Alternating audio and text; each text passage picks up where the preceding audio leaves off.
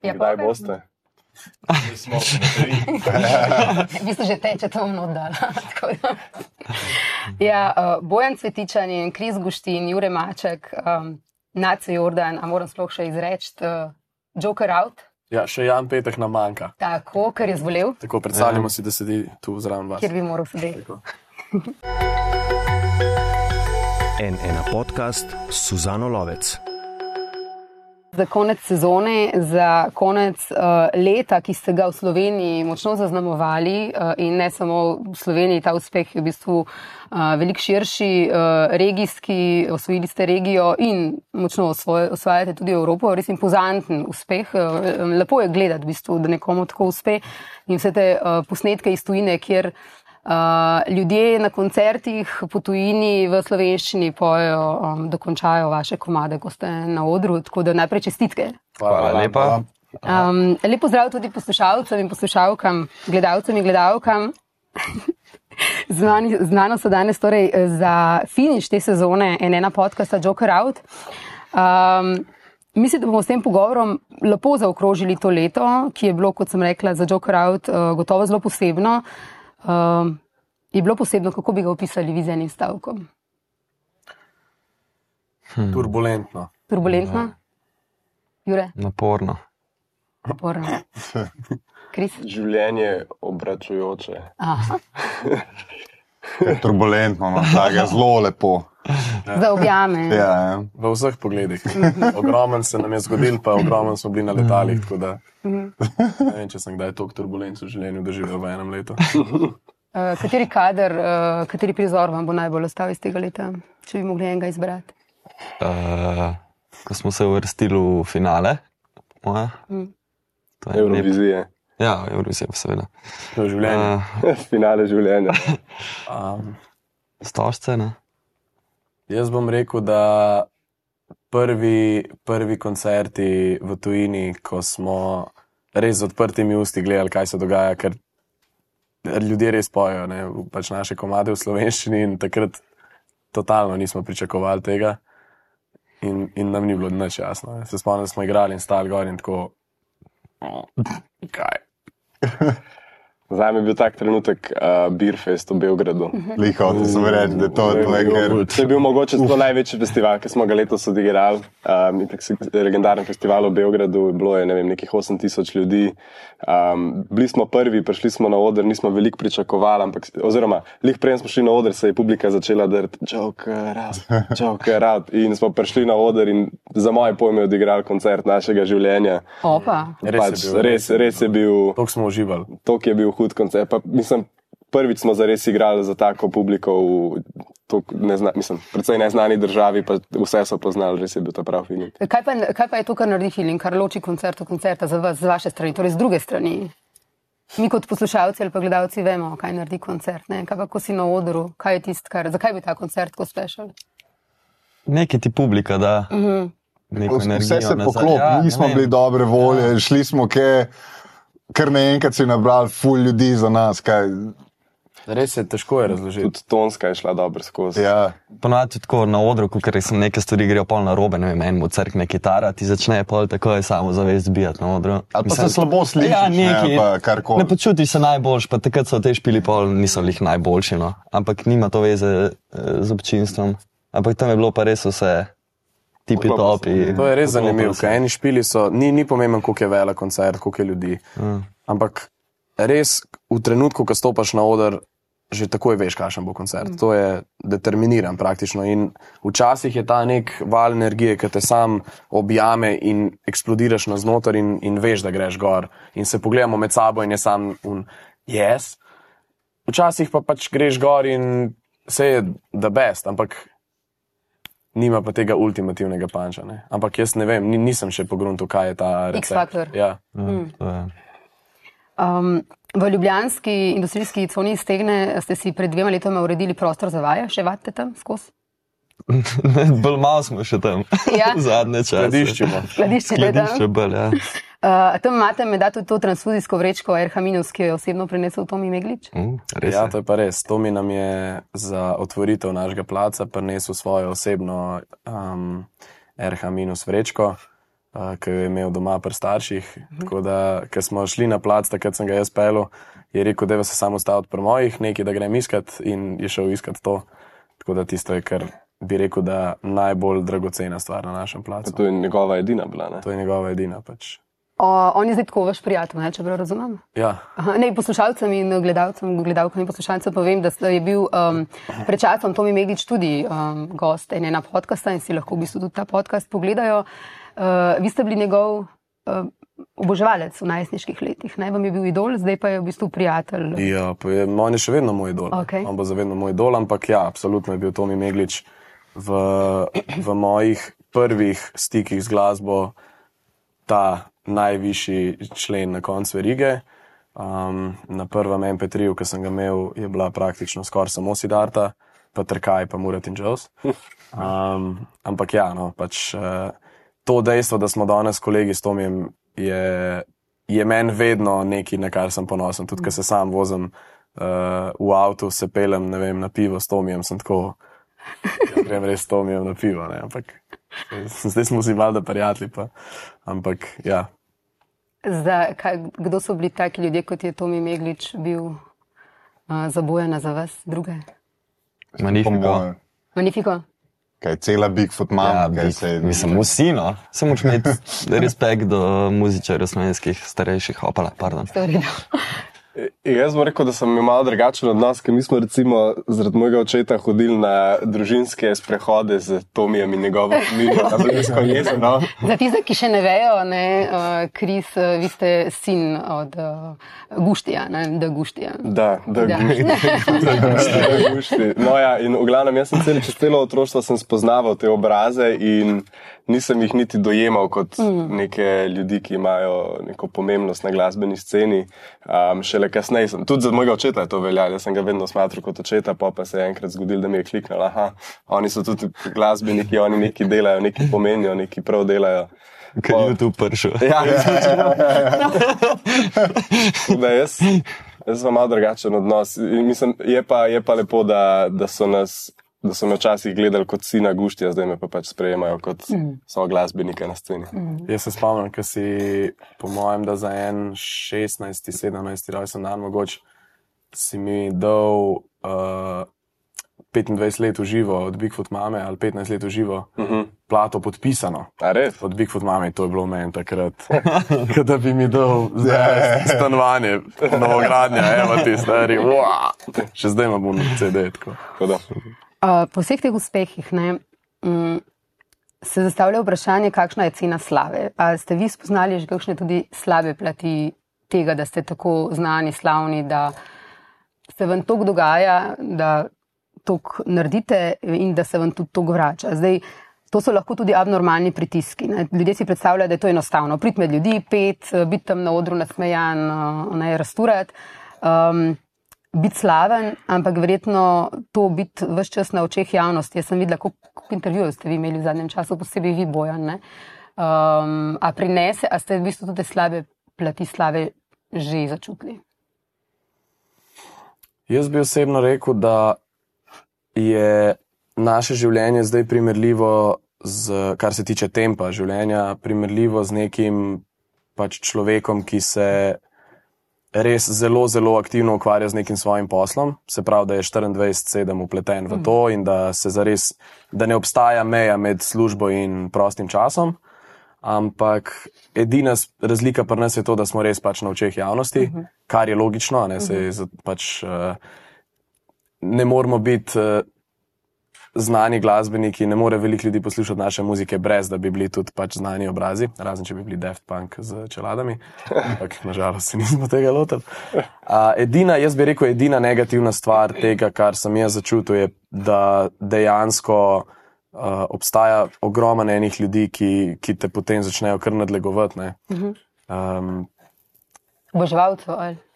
Jaz pol ne vem, to po mojem niso lih oboževalci. Ja, pa so to oboževalci, ja, ne, ne fani, ampak oboževalci. Ali kaj so, ne vem kaj so. Ampak v glavnem to neko. Nadlegovanje. Ja, ja to neko nadlegovanje, to je kar uh, bi rekel. Ker če si to vzameš osebno, pol te to lahko režira. Ne? Mm, Preko družbenih omrežij Ja, pa te telefoni, maili, ste mogli že kaj prijavljati? policiji? Sem razmišljal, če bi kaj parjavo, ampak se zaenkrat še nisem odločil. Drugi. Cena slave, tudi negativne plati, mogoče, uh, oziroma ste si, si je kdo od vas ali pa mogoče skupaj ste se pogovorili o tem, da glede na to, da ni, ni vse enostavno, kaj narediti, uh, da vam je uh, lažje. A ste si kaj rekli, recimo, to so neke stvari, za katere se pa ne bomo sekirali. A ste naredili nek tak obračun, je bilo treba to še narediti? Škaj najboljše biti doma, pa zaprt, pa te noben ne vidi, pa imaš nekaj zase, da je to to.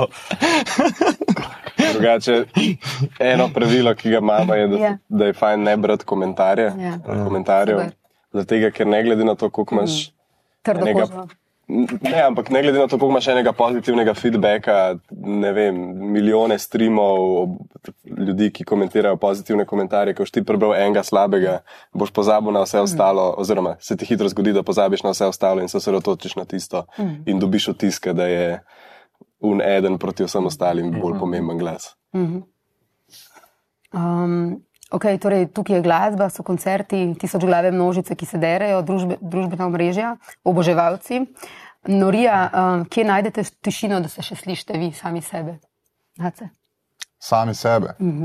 Med sabo ali čisto Eno in privatno? drugo. Se mislim, da mi med sabo imamo, ne, zdaj smo bili pred kratkim v studiu čas in to je bil nek tak To je najlepše, kar mir. Delali smo to, kar delamo najrajš, bili smo za inštrumentom, ustvarjali smo, naredili smo nekaj res dobrega. In to nas, po mojem, vsaj mene je to napolnilo z neko energijo, da gremo zdaj lahko naprej, kamorkoli.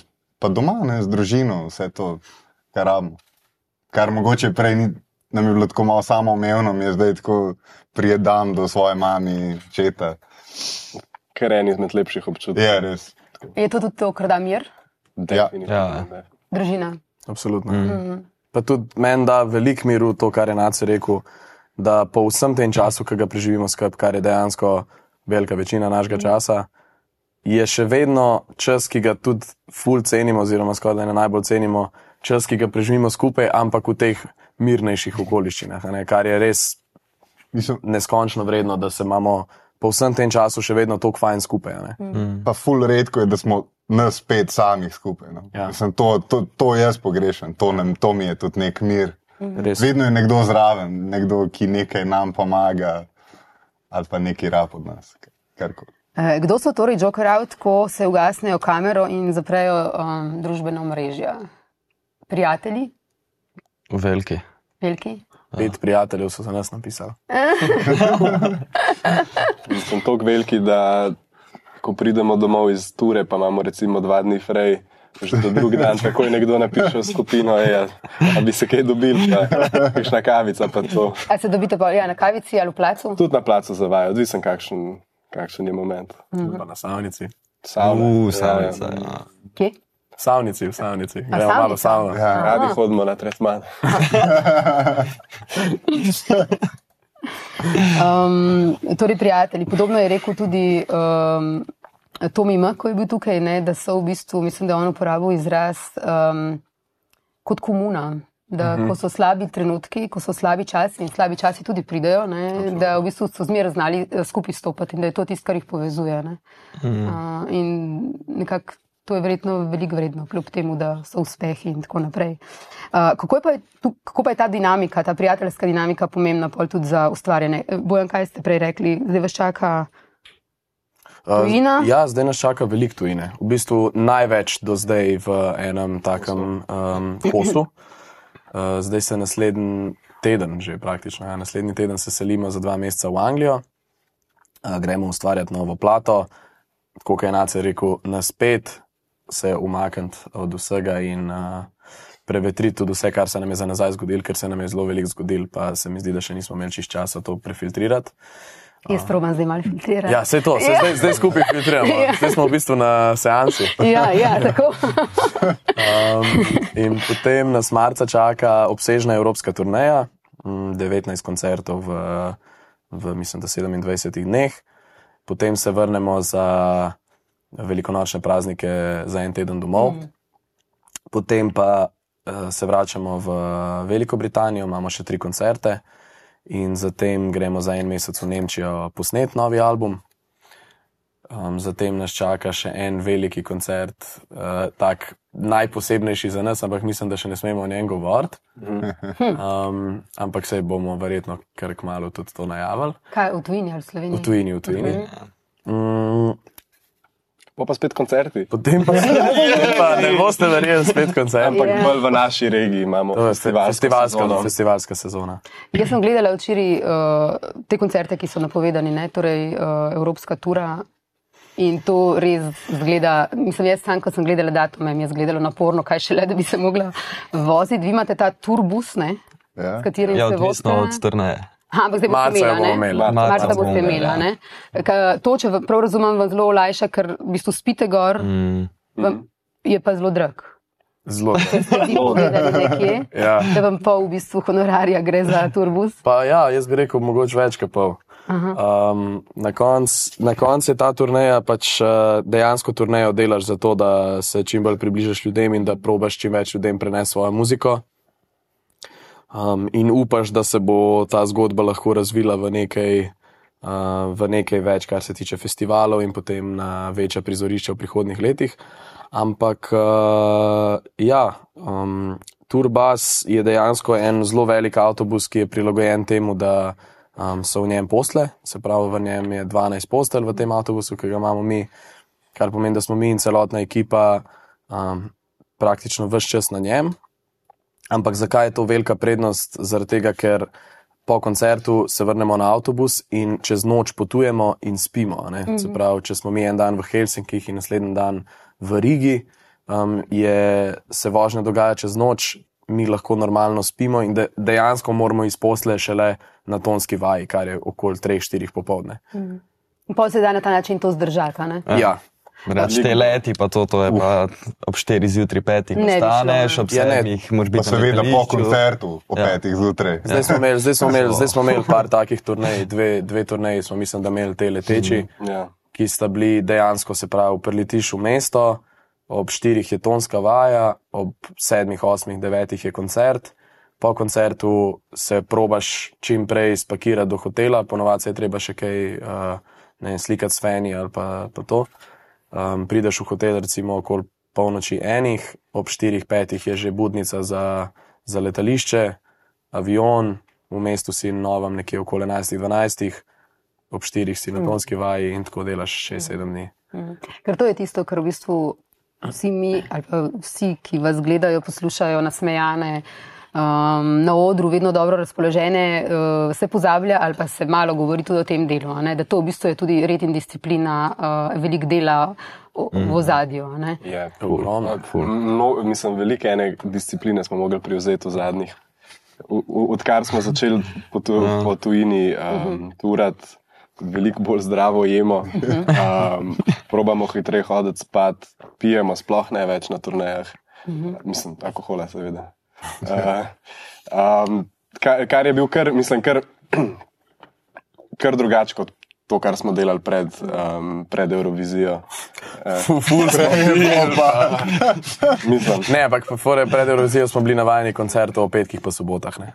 Ja, Zdaj pa, se pa pač konc- domov si šel, pa eno uro, pa pol, ali pa No, si spal v hotelu. Ja, ampak sta bila dva koncerta na Ja. teden, zdaj pa pač pet do šest koncertov na teden, kar je noro, sploh s z vsemi temi razdaljami. Mm. Meni je ful zanimivo, pardon, Ja. uh, ker smo se pogovarjali, ker se pogovarjam s prijatelji, ne, mm -hmm. čist vsi, razen unik, ki se profesionalno ukvarjajo s športom. Imajo predstavo, da mi Da je to- 24-7 žuramo, da pa je to. Pogledaš mesto. Ne, pa po mestu, pa kafetka, pa vse, da bes. Ja. Edin, kar športniki govoriš, športnikom je pa itak jasen, so pa tako, kaj je, Hoteli, ja. pa spata. Ja.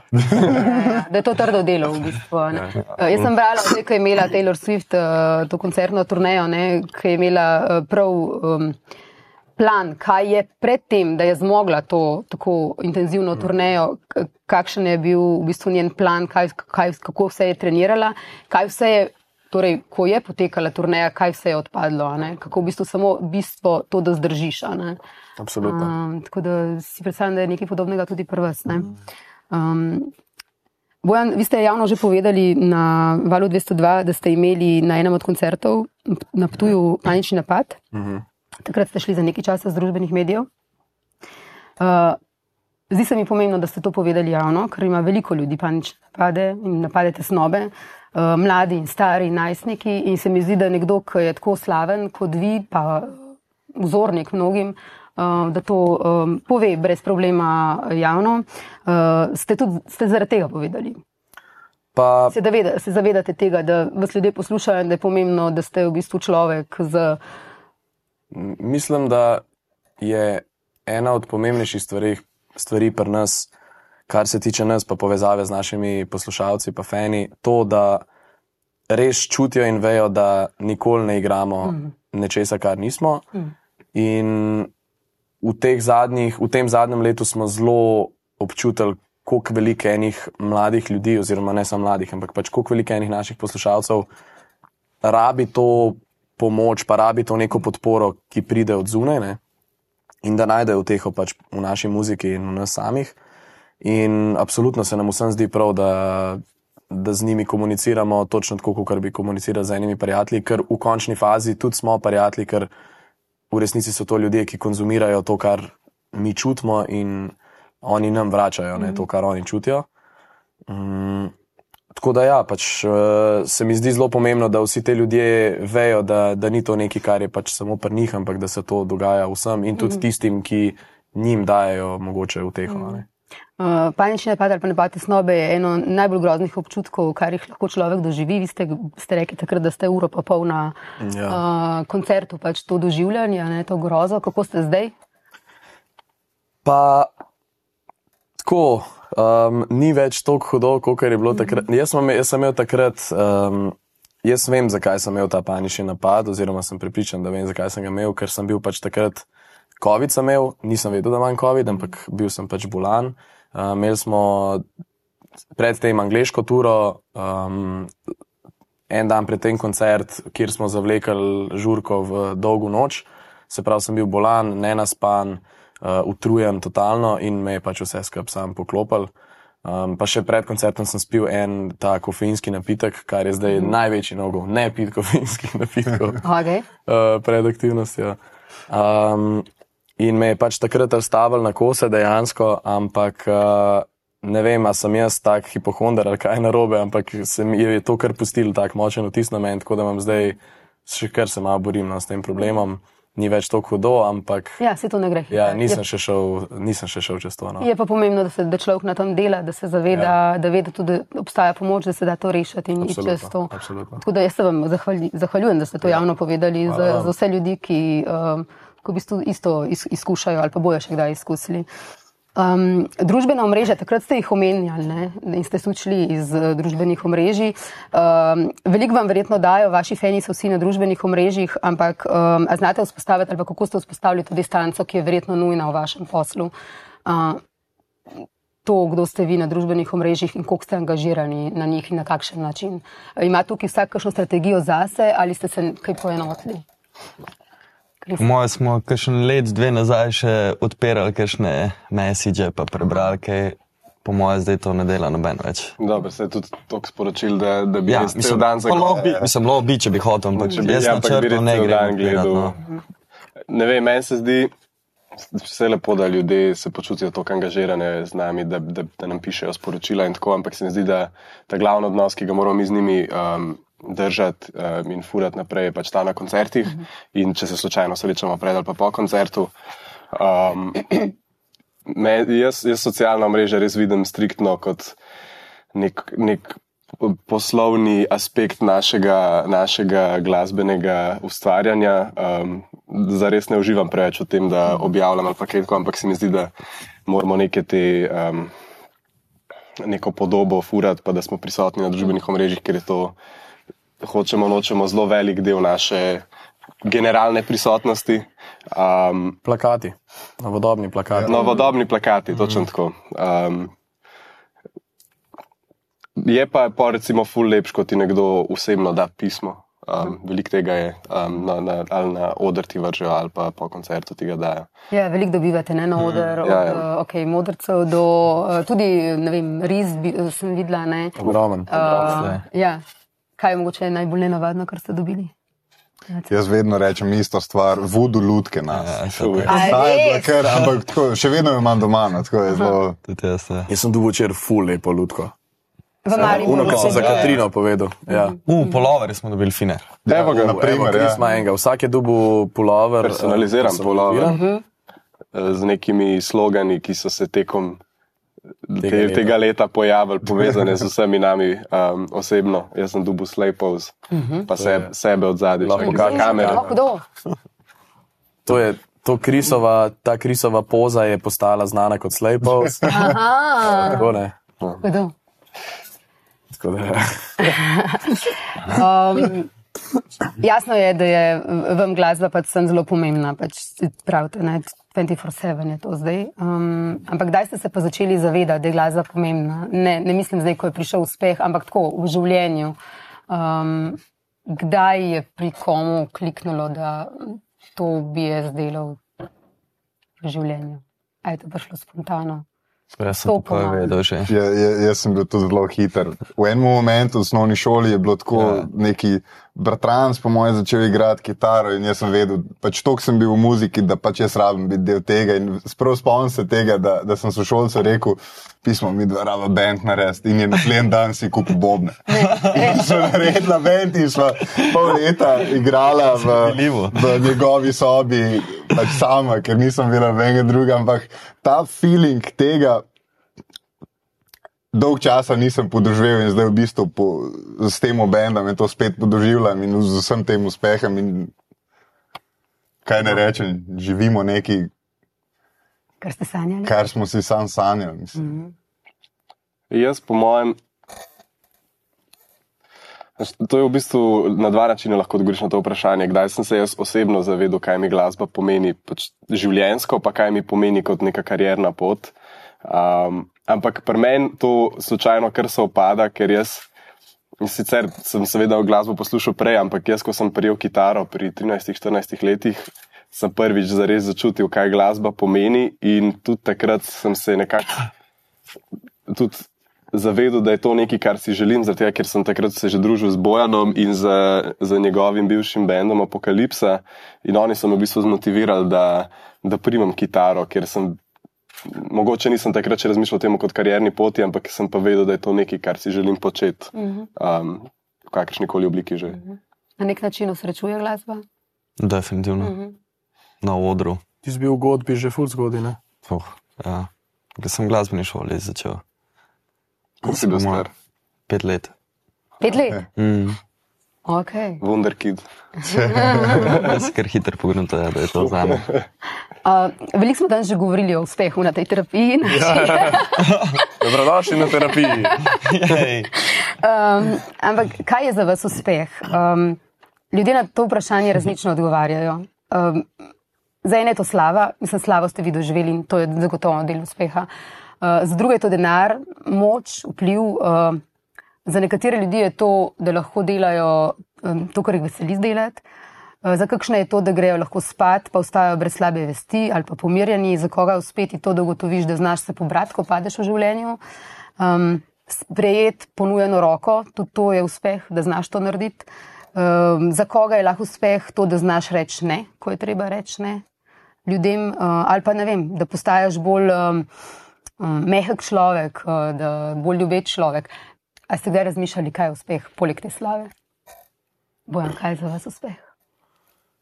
Mislim, veliko enih teh stvari naštetih se lahko združi v ta en. Ampak eh, jaz bi rekel, da je največji uspeh za me to, da dejansko pri 24 letih skupino fantov, ki jih imam najrajš, delam muziko in je to v resnici zdaj tudi moja edina okupacija v življenju. Ne.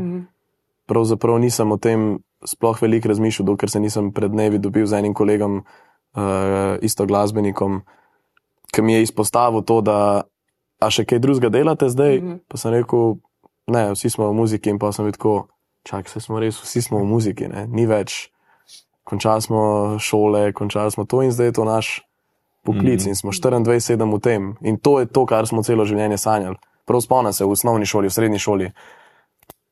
imamo koncert, ampak eh, imam še v petek prej test in mi čist mori, da moram pisati matematiko. Ali pa imamo, igramo na festivalu nekam, ampak imamo še izpitno obdobje in je, zakaj nisem to, da bi lahko sam zdaj bil zjutraj na kavi in šel zvečer na koncert.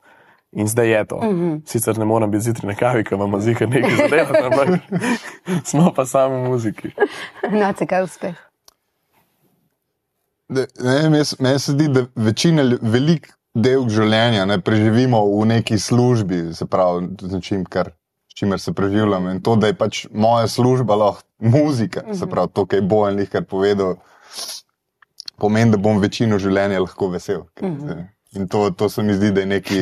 Kaj je smešno? Ja. Ja, Ne vem, kaj, kaj, kaj, ali ni to nekaj najlepšega. Ja. Delam, delam to, kar imam najraje na svetu, ko grem v službo. Ja, Nisem slabe vole, Mhm. nisem, nisem, o ne, to, mislim, se ne vem, nisem v življenju imel službe, da bi se predstavljal, kako to Imel je. si, Kaj? mladi. Bil sem tudi tam glasbenik, tako da No, ja. še vsem je bilo to isto. Se pravi, moje poslanstvo je biti glasbenik in to delam. In to je za me uspeh, da lahko to delam. Ker vem, da veliko ljudi nima te priložnosti, ja. sploh kaj šele. To dobro. do tega nivoja. Jaz bi rekel, mislim, za me je največja sreča v življenju to, da vem, s čim se ukvarjam in s čim se želim ukvarjati. Um, imam toliko enih ljudi okoli mene, ki vsi pravijo, da pač pri svojih vem, 23, 24, še, ne vem, so dali že dva faksa, čez pa še kar ne vejo, kaj, kaj jih kliče v življenju, kaj jim manjka. Jaz, jaz sem nerealno srečen, da že vsaj dve, tri leta vem točno, kaj želim in kaj hočem početi. In tudi vedno sem, sem vedel, da je pač sreča stranski produkt um, nekega polnega življenja, ki ti daje pomen. Um, tako da, dokler bom zaposlen s tem, vem, da bom srečen. To je res dobro. Bi pa rekel, da uspeh pride, ko poleg vsega tega, po moje, ko izpolnimo nek zadan cilj, mogoče. Pa da imamo napredek. To, Pa veš, to, to mi je merilo za uspešnost. Ja. Kako pa hendlate, um, če so, mislim, gotovo, vi ste pač prijatelji in lepo ste opisali in tudi vidi se to in čuti se to, a ne, da se razumete. Ampak kaj, ka- kaj pa, ko pridejo, gotovo pridejo tudi v bendu, um, tako kot v drugih službah ali pa v zasebnih odnosih, tudi kakšne kritične situacije. Kako so tukaj odnosi med vami? Kdo je tisti, ki pomirja, a kdo je fire starter, a, a, a ste vsi vse?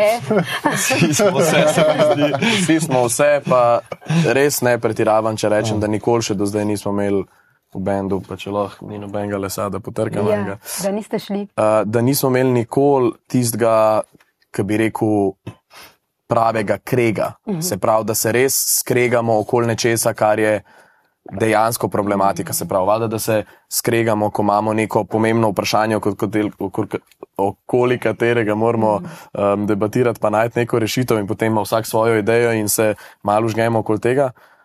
Ampak tako, da bi bil pa res nek problem, ki bi se naredil in da, smo, in da zapustimo prostor, v katerem smo skregani, se ni še nikoli zgodilo. ne. Tako da to smo lahko, to smo lahko kar Srečni. zelo srečni. Ja, Ja, kot- Sploh glede na vse čas, ki ga preživimo skupaj. ne. K- Kot so temu rekli moji starši, nikoli ne id jezen spat na tiste, ki jih imaš rad. Tako. To je to, je to. mogoče. Lepo. Le, lepo, ja. um, Sorry, ker sem te. Jaz sem malce ta tri dni nazaj pretepil v sanjah.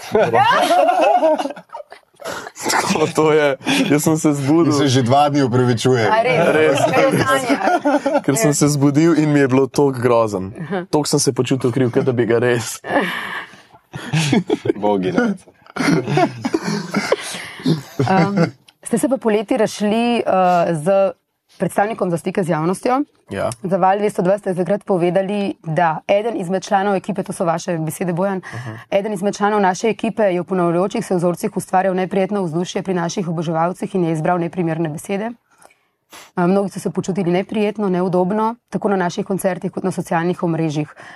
Kdo vas je na to upozoril in kako ste se takrat za to odločili, verjetno skupaj, in kaj ste se naučili iz te izkušnje? Kris.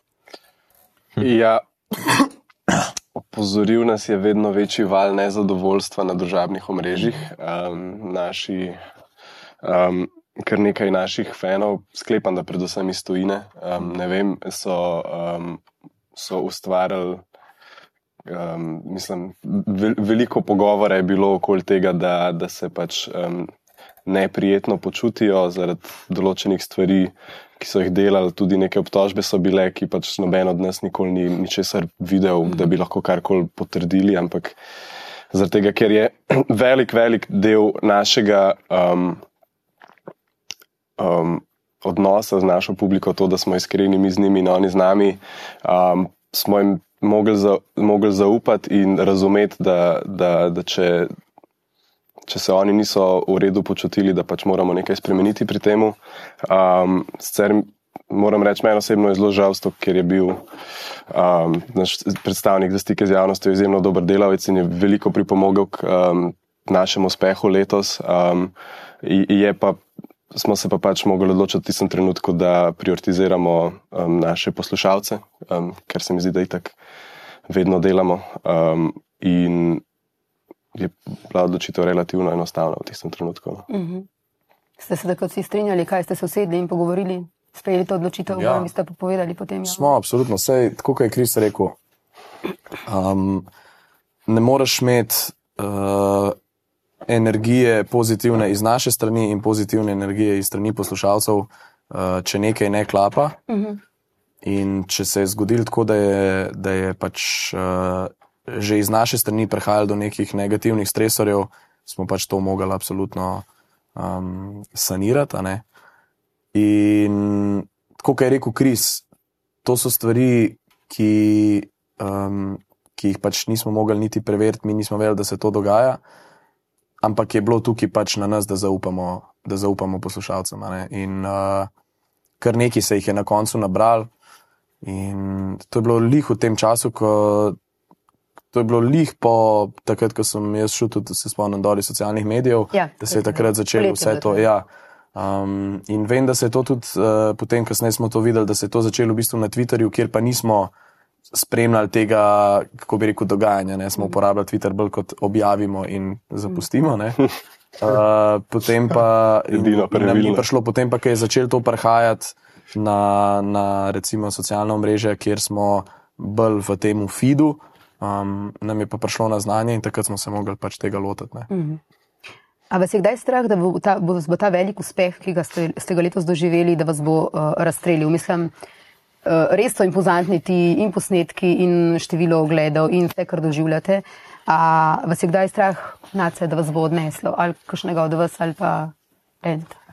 To, to v bistvu je lahko tudi nekaj, kar poveže nekaj, ki lahko pa sčasoma tudi uh, postane bremene. Mislim, da bi kjerkoli od nas odneslo, po mojem, da ne. No.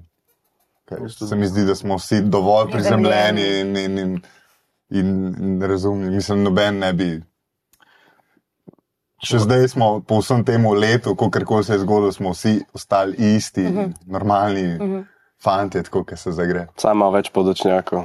Podočnjakov. Jaz gledam, mene 30 let starejši. Jaz bi rekel, da, jaz bi rekel, da največ ljudi nam reče tako osebno, ne, Mhm. ko kar paste se, se veš, kaj se zgodi tem muzičarjem, ne ta velikim. Dobro, prvo kot prvo, itak nismo še niti približno na tem nivoju uspeha, kot so bili vsi ti um, glasbeniki, ki so končali z neko žalostno zgodbo. Ampak uh, meni se zdi, da je zelo, zelo velik faktor tukaj to, da če pogledamo zgodbe teh ljudi, ki so, ko se je zgodila slava, totalno razpadali, um, se mi zdi, da imajo kar skupno točko po večini in to je to, da niso imeli nobenega obramnega sistema in zaledja doma, že od začetka, ampak so vsi prišli iz nekih, um, bi rekel, um, ali razpadlih družin, ali problematičnih otroštv in tako naprej. Um, kar na srečo pri nas ni, a ne uh, the case, ampak smo, bi rekel, ko pridemo domov, imamo vsi družinsko kosilo, uh, prijatelje iz otroštva in nimamo nobenega, noben od nas si tudi ne bi niti sploh pomislil, da se obnaša kot zvezda, ker izpadeš debil, totalen. Mislim pač, ne, tle, tle res pri nas nimaš komu glumiti. Se mi zdi, da v Ameriki pa v teh večjih, večjih eh, državah po svetu je bolj preprosto se pretvarjati, da si nekaj, kar nisi, medtem ko tukaj res izpadeš bizgec pred svojimi ljudmi, a ne. Kar je super, hvala Bogu. ne. Vi se skratka trudite biti iskreni do svojih uh, oboževalcev, poslušalcev in tako naprej. No, predvsem do sebe, Tudi pa do do sebe. naših ljudi, ne, se uh -huh. potem se to pač prenese. Uh -huh. Nismo ločili nekih person, se pravi, nismo v javnosti neki wow, kar nismo doma. Mhm. Ja, ker vem, da eh, velikrat rečete, ne, da v bistvu. Uh, to, ko se oblečete za na oder, torej uh, ti kostumi, um, da so kostumi, a ne oblečete za na oder, pa da hkrati v bistvu je to del vas in da tudi v tem ne glumite, ne, da probate os, os, ostati zvesti tudi takrat, ko ste en korak pač dlje od svojega doma. Ne. To so ultimativni kostumi, ki bi jih hotel imeti za eno čisto hudo žurko. Aha. Če tako rečemo. Ja. In ne ena niste prišli v njih, ampak je, edina je Ja, spominjena. danes, ste, danes, danes vi zastopate naše barve. Um, kdo vam, mislim, vi imate zagotovo, vem, da imate ne, uh, celo plejado ljudi, ki delajo v zadju z vami, da lahko ta mašinerija, da lahko pač to delate, kot Absolutno. delate. Uh, kdo, koliko recimo šteje zdaj to? To je 20 ljudi, koliko je stalnih rekel, sodelavcev? Mislim, odvisno, kakšni sodelavci, ampak ljudje, ki so sodelovali z nami projektno, Mhm. je definitivno več kot 40, po mojem. Letu. Dober, ne, ampak del naše ekipe. Mislim, naša naše, naše ekipa, ože ekipe, Ja. ja. ki hod na koncert, recimo za tujino, nas je z nami ured 11. Mhm. Recimo, da je ta en krok sodelavcev 20 ljudi. Ja. Se pravi, To to, ožje, je, ja. to je Joker out podporni sistem. Mm -hmm. In to je tudi ta ekipa, ki jo tudi mi smatramo kot del svoje družine, ne, kar se tiče. In kaj so to? Um, producent? To so naš producent, uh, seveda, kar se, vse, kar se tiče PR, kar se tiče socialnih omrežij, potem uh, Niko, ki je oči našega benda, recimo, ki pač ne skrbi za, za nas in za vse, kar je potrebno okoli tega. Uh, potem imamo, Stilistka?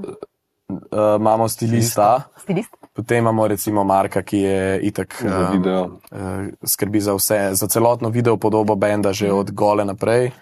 Um, imamo nek management, ki nam pomaga, um, kar se vsega tiče, fotografe, zvočne tehnike, lučkarje. Je kar en. Veliko ljudi. Vsega, kar se spomniš. Uh, si pa ljudje verjetno zmotno predstavljajo, da vi zdaj že štejete milijone. Ne? Za milijone evrov. Ne? Mislim, da ste nekje rekli To si, to si zelo, zelo, zelo, zelo, zmotno. predstavljate. zelo zmotno predstavljal. Ja. Ampak je pa že zdaj že zaslužek, končno po letih. Ja, ne? končno je, končno je zaslužek. In če prav razumem, ste nekje rekli, mislim, da vi bojan, da gre tako, za neko normalno plačo, lahko zaslužite vsi. Absolutno. Um, po vsem tem letu, po vsem tem uspehu in tej slavi, uh, kako drugačna bo muzika Joker Out prav zaradi tega, kar sem zdaj naštela, torej zaradi vseh teh uspehov. Uh, vaše prevladujoče občinstvo zdaj ni več slovensko. Kaj se A bo, a, bo, a bo vse to, kar ste doživeli, uh, torej uspeh, slava in tako naprej, to, da je vaše občinstvo pretežno zdaj v bistvu tuje, ne, ne, ne več slovensko, ampak velika večina vaših poslušalcev je zdaj uh, iz tujine, uh, kako bo to vplivalo naprej na razvoj vaše glasbe? Ja, zdaj smo se ravno vrnili iz studija, kjer smo posneli nov singel, uh -huh. ki izide februarja. In uh, bi rekel, da je precej drugačen od tega, kar smo počeli do zdaj. Mm, končno smo, tako bi rekel, kot bend po kar dolgem času malo zadihali, pa se šli igrati v studio. Uh -huh. in, in smo priigrali en res čist hud komad. ne. Okay. Uh, mislim, da smo že odkar smo se vrnili. Ja, dogaja. Ja. To je pa to. To je pa to, odkar smo se, odkar smo se vrnili uh, iz studija, že mi in žare, producent, se skozi kličemo. In, a? Dobro, Ne, ne? ne. Ali že kaj govorimo? E, Kakšen je Kaj, naslov? tri, tri, prve tri ženske, ki so slišale pesem, so jokali. To je pa res. To je pa A balada je. Uh, Ni, ni. Mislim, v osnovi Je balada. songwritersko je balada, Je. ne, ampak smo jo prilagodili, mislim, priredili, zaranžirali na tak način, da, da zelo ne izpade tako. N' Pulje, uh, jaz bi rekel tako, da je, da je mogoče najbolj zgodba do zdaj. Tako, se mi zdi, da je res skoraj 4-minutna zgodba. Kdo bo naredil pol video spot? Uh, AI. To pa AI. Ne vemo še. Ne vem. Uh, pišete pa to, vi večkrat rečete, ne, uh, da so v bistvu vse pesmi o vas ali o nekom delci življenja, nekaj, Ja. ja. nekaj kar ste poznali, da tudi tukaj probate, ne, probate tudi ne fejkati. Ne? Ta pesem je kar terapija za me, bila bom rekel. Evo, to lahko povem. Mm -hmm. Terapija. Okay. Uh, jaz sem bila na tem um, koncertu v Stožicah ne? in tam sem Hvala. videla, ja, in tam sem videla uh, od otrok do najstnikov, do moje generacije in do upokojencev. Uh, veljate pa za bend generacije tudi, ampak vas pač vsi poslušajo. ne? Uh, a se vam kdaj zdi, da govorite v imenu gene- generacije? Absolutno. Ja. Absolutno. Um, Vse pravim, da smo del generacije ljubezni in upanja, mm -hmm. novi valne. Mm -hmm. Zdaj pa kdo se počuti del te generacije, mm -hmm. to je pa na njih. In uh, Carpe Diem, v čem uživate in kako in kaj nam vaša generacija ali pa vi konkretno govori naši generaciji, kako ne uživamo? A imate tle hmm. uh, vi tak posamezno kakšen eh, recept? Ker mi živimo v svetu, kjer praktično uh, smo nehali uživati. Ne? Vsak užitek se nam že zdi, da nekaj narobe delamo. Ne, ne pustimo si biti eh, veseli, ne pustimo si biti srečni. Uh, to je vse za našo generacijo uh, zelo problem. Mogoče se moramo tudi naša generacija kdaj ozreti ozret na vašo generacijo in se mi zdi, da ta uh, komat, pa to, kar ste želeli povedati, da je nekaj v tej smeri. Kako vi uživate? Mislim, jaz bi rekel, da je predvsem Carpe Diem komado temu, da, pač, da se vsi, vsi skozi iščemo neke telesne užitke, in tako, in, ampak da, da se ne smemo ostati samo pri tem, da ne smemo uteho najti v nekih golih telesnih užitkih, ampak da moramo najti nekaj več, nekaj bolj pomenljivega v njih, oziroma tudi ne kjerkoli že. Um, za nas je pač to glasba in ples in vse, vse to, kar se pač o tem besedilu pove. Um, konkretno je bil to pač naš staž v enem studiu v Hamburgu, ko smo bili dva tedna ali koliko. Um, pač mi v tem najdemo pomen in v tem najdemo svojo srečo. Um, in upamo pač, da ljudje lahko tudi v tem, kar radi delajo, najdejo to. no. Mhm. Jure? Uh, jaz sem zdaj čez nekaj drugega tuštev. Že nekako južno doma dela. Krompirček lupo. Užitki. Ne, jaz mislim, da. Telesnih V užitkih. telesnih užitkih. Uh, predvsem preveč delamo, pa se premalkrat ustavimo, da, bi- pa da bi šli na samo nekam, jaz grem v naravo, da se usedeš, se pogovoriš sam s sabo, uh, da imaš merno. Um, pa da, ko se zbudiš zjutraj, najdeš nekaj pozitivnega v tem dnevu. Nad. Mislim, se strinjam s s toboj, kar sta kolega rekla. Definitivno vzeti si čas zase, mogoče sam pogledati na lepe stvari življenja. Kas? Mhm. A ste pogledali mi grede že ta film, v katerem igra Bojan? Smo? Si? še, ne, še nisem. Ne, Jaz sem ga pogledal, ful je dober. Ja? Sem bil ful navdušen. Ja. Ki si sedel za mano. Okay. Torej, to je film Kaj pa Ester. Uh, Bojan, za vas je bilo to, snemalo se je pred vašim uspehom. Ne? In je v bistvu Ja. žanje uspehe, verjetno film tudi na podlagi tega uspeha. Joker out, ne, ker vi v njem igrate. A Boste še kdaj ponovili to izkušnjo? Jaz upam, da ja. Ja? Absolutno. Meni je, meni je igra zelo, zelo intrigantna zadeva in zelo ljuba uh, oblika. Um, Ste pa rekli, da je precej drugače, ne? da tam v bistvu si marioneta v rokah. eh, ja, popolnoma drugače. Ja. Pač, uh, predvsem na odru sem jaz, ne, pred kamero sem pa pač lik. In tudi ta lik je v rokah režiserja, ne mene. Ne. Tako da kar zanimiva izkušnja. Ne. Za, pač zaupati nekomu drugemu, da ko on reče, imamo take, da je to to. Ne. Morem si jaz, ne morem jaz reči, jaz bi to malo drugače. Pač, uh -huh. Če je on zadovoljen, je zadovoljen. ne. Mm. Kako, um, kako se pa zavedate tega svojega vpliva na mlade? Nekaj smo, smo prej že o tem rekli. Um, a ste se kdaj se med sabo pogovarjali o tem, kakšna je ta odgovornost? Sej, po tej odločitvi, ki ste jo sprejeli, recimo glede PR-ovca, je jasno, da razmišljate o tem, ampak a se kdaj pogovarjate tudi o tem, um, kakšen vpliv imate na mlade in kakšna je odgovornost, ki s tem pride? Je to del vašega razmisleka, kdaj? Mislim, da smo ne, um, konstantno soočeni s tem dejstvom, da imamo velik vpliv. Um, čisto en tak banalen eh, primer iz, iz bolj fizičnega sveta je to, da si naši fani utetovirajo um, stvari, ki jih mi rišemo. Uh, to je meni tak direkten dokaz tega, da res lahko naredimo marsikaj, pa bo to nekdo vzel kot nekaj svetega in bo to hotel nas dati zavedno. In pa si lahko le mislim to, kaj, kaj, kak, kako besede, ki pridejo iz naših ust, vplivajo na njihove, na njihove misli. To je pa sploh izven, izven mojega pojmovanja, zares. Mm. Se to je to, kar sem prej rekla, ne? da je pomembno, da tudi vi rečete kakšne stvari.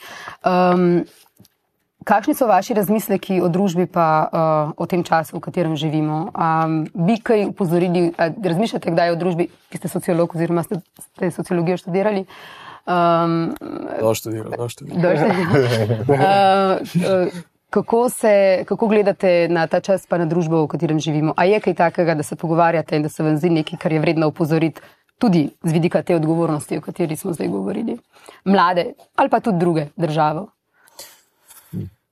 Jaz bi rekel, da, da je vprašanje časa, v katerem živimo, verjetno najbolj kompleksno do zdaj, absolutno najbolj kompleksno uh, najbolj kompleksen čas v zgodovini, ker uh,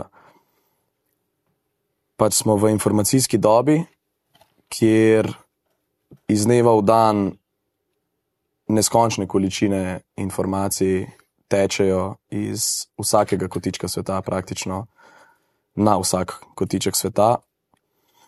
Um, ob vseh teh informacijah se nam iz dneva v dan ponavlja vsa zgodovina, o kateri se učimo od praktično začetka človeka, vse grozote, um, za katere smo si v šoli mislili, kako, smo, kako se je lahko sploh človeštvo dovolilo, da se kaj tasga zgodi, kako ni noben ukrepov. Um, in takrat si absolutno misliš, da se to, pa, to se pa nikoli več ne more zgoditi. Ne. Sej, jaz, mislim, jaz se spomnim, da v šoli, ko si se učil mm -hmm. o svetovni vojni, o drugi svetovni vojni, o kjerkoli vojni si si mislil, Fuh, še dobro, da je to min, mim in da se to nikoli več ne bo zgodilo. Sej hvala Bogu, zdaj imamo vse unije in zveze in varuhe ne vem kakšnih pravic. In potem vidiš, da je to vse praktično so samo neke misli in floskule in da praktično nič nima veze. Um, tako da v resnici živimo v enem zelo žalostnem času, ko je dejansko dokaz, da ne šteje prav nič drugega kot kapital, pa neke um, vrednote peščice, um, za katere mi nimamo prav nobene besede in karkoli rečemo in karkoli naredimo, je to čisto vse en, ker se vedno vse konča takrat, ko se nekdo odloči, da se bo končal. Tako da po eni strani pač plešemo, pojemo se, imamo radi, potujemo, po drugi strani čez mejo se ljudje pobijajo, Jaz res lahko rečem samo to, da več kot to, da mi delimo od sebe pozitivno energijo in da delimo sporočilo ljubezni in te analogije in bližine, mm. da več kot to ne moremo narediti. In v to trdno verjamem. Mm. Ker če bi lahko karkoli več naredili, bi se končal z Leno novim Imagine, pa se ni. Mm. Podobno razmišljate drugi. Jaz bi sam dodal, da mogoče mm. mi malo mi delimo svojo glasbo, malo svoje resnice, um, ki, ki je pač vsaj meni, pa verjamem, da mnogo drugim res primankuje v današnjem svetu. Jaz neč več, kar preberem, ne verjamem čisto 100% in pač vem, da to, kar mi delamo, je 100% res in upamo, da ljudje to, pač oziroma do neke mere to ljudje tudi začutijo in sem vesel, da vsaj neki resničnega lahko v svet pošlje. Mm -hmm. Da se v bistvu ta uh, v 21. stoletju ali pa v tej dobi, ki ti, ti je opisal uh, Bojana, ne, ko je toliko impulzov uh, in toliko informacij in tudi dezinformacij, da je v bistvu iskrenost tisto, kar šteje in to je tisto, kar se tudi začuti. Mm. Definitivno. Ja. Ja. Je kar kaj, kar bi, uh, Jure, vi opozorili? Ma, mislim, da ste vse lepo povedali, ampak mislim, iskren, kaj lahko dodati? Iskreno, to pa res pogrešam. Ja, ja. Potakmo zaključku. No. Ja, potakmo zaključku.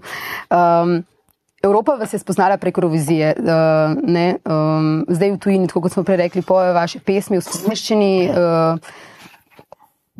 povedali ste, da je bila ta Eurovizija katapult, da brez tega vas ne bi bilo na tak način, ampak mnogi slovenski glasbeniki so bili na Euroviziji, pa tega potem ni bilo. Tako da, kaj si znate že razložiti, kaj pa pri vas ta faktor X? Ki je omogočil to. To, da smo bili dobro pripravljeni, to, da mi je s roko ogen. Pripravljeni kako glasbeno? Ne, Ne? To, da smo tri četrt leta prej vedeli točno, kaj bomo delali. Mm. Pa da smo šli na vse skupaj se je začelo s temi priparti, ki smo imeli mesec pa pol pred Eurovizijo, ko smo potovali po Evropi in smo igrali. Um, mi smo do te točke naredili vse, kar je bilo potrebno za Eurovizijo. In smo šli Za nastop. Za nastop in, ja, in za vse te pripartije. In, No, ja. v glavnem, res smo vedeli, kaj delamo in vedeli smo, kaj hočemo po Euroviziji, kaj moramo narediti, ko je konc tega. Uh -huh. In se mi zdi, da ta paket je. Pa še ena zelo pomembna stvar, ki je pl- plus to, kar je Maček povedal. ne. Mm, Mi smo imeli dejansko pripravljen koncert. Mm, To je, se mi zdi, da najbolj pomembna stvar. Mi nismo bili izvajalci, ki je prišel na Eurovizijo s planom, da se po Euroviziji začne razvijati in ko dobi neko poslušalstvo. Mi smo v Sloveniji bili zelo utečen glasbeni izvajalec. Imeli smo zgodbo, um, obstajamo. To je, ne, Ampak, obstajamo. ampak bojem zelo se upravičujem, tudi, tudi drugi so bili slovenski Redki, glasbeniki. redki so bili tako oprijemljivi. Uh -huh.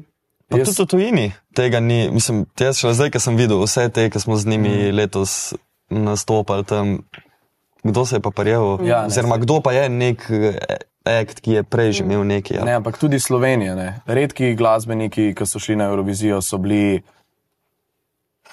na 60 ali pa 70 koncertnih prizoriščih v Sloveniji na leto. Ne. Se vam zdi, da je zaradi tega ta odskok bil možen? Mislim, ljudje so lahko šli poslušati muziko.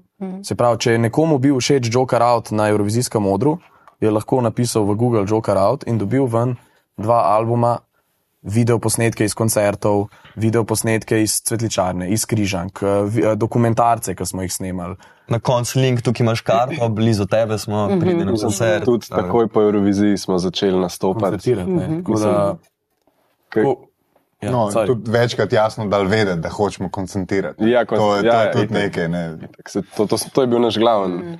Vedno, ko se nas vpraša na reviziji, kaj hočemo iz tega potekati, špili v tujini. To je, to je bil naš cilj in dobili smo ga. In pač mnogi izvajalci po Euroviziji so, ker to je res stresno obdobje, več mesecev, sploh če si pevc, je to abnormalno stresno. In je pač upravičeno si dosti nekaj izvajalcev vzeli pauzo po Euroviziji, mm -hmm. ker da so malo prišli k sebi, mi smo. Tam. Pa Mi gremo. iz osebnega vidika morda neumno, ampak definitivno iz promocijskega vidika in kariernega pametno šli takoj turat in, in takoj zagrabili priložnost, ki smo jo imeli. Koliko je, koliko je pa tle tudi ta bojanova, kako naj temu rečem, iskriva osebnost? Jo, veliko, največ. Ja, Lihkar smo bili izglasovani za Kings of Riz, kar pomeni. Karizma je to zdaj. Ja, vem, vem, vem kralji karizme. Um, tako da mislim, definitivno je Bojana karizma bila velik del tega, ampak po mojem, da to, da smo bili, da smo bili vseh pet um, prave energije in prave, prave karizme tam še, še bolj dodali temu. In da se tudi čuti ta povezanost, o kateri ste danes govorili med vami, ne? da se je čutilo tudi v vseh nastopih in uh, izjavah po nastopih. Ne? Jaz bi rekel, da ko smo šli na Eurosong, ne, smo, uh, smo si veliko več upali, kot si recimo upamo tukaj. Uh -huh. Bi rekel, da smo tam za njih izpadali kot pet vaških pobalinčkov, je Ali je bila to strategija? ne? letel. Ne vem, če je bila to strategija. Mi smo pač se tam imeli fajn. Ja. In to se je poznalo na vsem, na našem nastopu. Ljudje tam so vedeli, da je Joker out, fajn bo. Mi smo bili kar pet modelov na veselici, bom rekel. In mislim, da je tudi en dokaz. Pred časom smo bili zdaj z enim kolegom iz Eurozije, ki je rekel, no, ta Eurozija pa je bila nekaj posebenega. To je človek, ki je bil, mislim, da Deset na desetih Eurozijah. Tako da Ja. Ja, za konec še o tem, um, kaj si vi želite, kaj si še želite početi, kaj si želite sicer, konc leta je. Wembley 2030. Bravo, Maček. Hvala lepa, ne božiček prenese kaj. Pa. Jaz bi rekel, da, da ogromno nove muzike. Jaz si želim, da, da bo 2024 predvsem kreativno, plodno. Um, In poln hitov. sam hiti. uh, in uh, vse ostalo bo pa že prišlo. Če, bo, če, bomo mi, če se bomo mi imeli še naprej fajn, pa če bomo delali muziko, ki je nam fajn, mene nič ne skrbi. Nace? Kaj naj dodam, mislim, muziko gremo delati, gremo živeti v Anglijo za dva meseca, izkusiti svet. Ja. Ne vem, imam še Pokémon karte. No. Ne, ne bi imel bi zelo rad kuška, ampak to nažalost nimam časa. Jaz sem se že prijavila z nacetom lansko leto zelo impulzivno. Kaj ste se verjeli? Pred Eurozijo sva, sva že klicala, kako bi. Uh, in, zelo impulzivno sem se pisala v skupino jazbečarjev Slovenije, Ja. ker sem se odločila, da bom videla oba imela po jazbečarja. Braca. Pač to, ampak pa sva se, pa sva se tudi zelo hitro soočila z realnostjo, da ne, ne bo sploh nič doma, ne. tako da to ne gre. Ampak, Ja? če se enkrat ustalimo in se vse skupaj pomiri, bo mi dva Prijete imela. dva jazbečarja. Tako. Ja. Uh, še eno pomembno sporočilo za ljudi in mlade, da se v bistvu je treba odgovorno obnašati do igra, uh, živali in da to niso igrače in da se Ja. jih ne bavi takrat, ko imaš čas za je. Ej, Pa ne to pokat- govoril, pa ste kar hotla kupiti. A sva kupla, le, vedela Pa ne sva, ker- petard. Ja. Pa ne To pa res, pokatetar. to pa res. Krista, ključna misel vaša. Uf, um, moja želja, uh, če se lahko še na to navežem, je. Um, letos smo stopili na prage Evrope, upam, da naslednjo leto lahko vsaj čez lužo skočimo.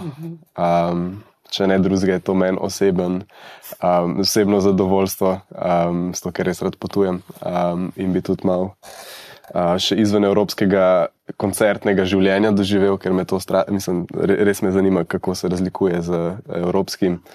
Um, drugače pa seveda dobra glasba, um, to, da ostanemo takšni, kot smo, kar i tako verjamem, da bomo. Um, Pa da bo Jan naslednje leto z nami. Ja. Ja. Pridete naslednje leto spet. Ja, z z Janom. Janom. Tako. Lep pozdrav Janu, uh, tudi mi ga Jan. lepo pozdravljamo, živijo. Ja. In lepo zdrav tudi eh, vsem gledalkam in gledalcem, poslušalcem in poslušalkam. Spremljajte enena še naprej, vam, vsem štirim in Janu. Hvala lepa, da ste prišli, da ste si vzeli čas uh, in za vse, kar ste povedali. Najlepša hvala vam. Hvala. Bo? Jej!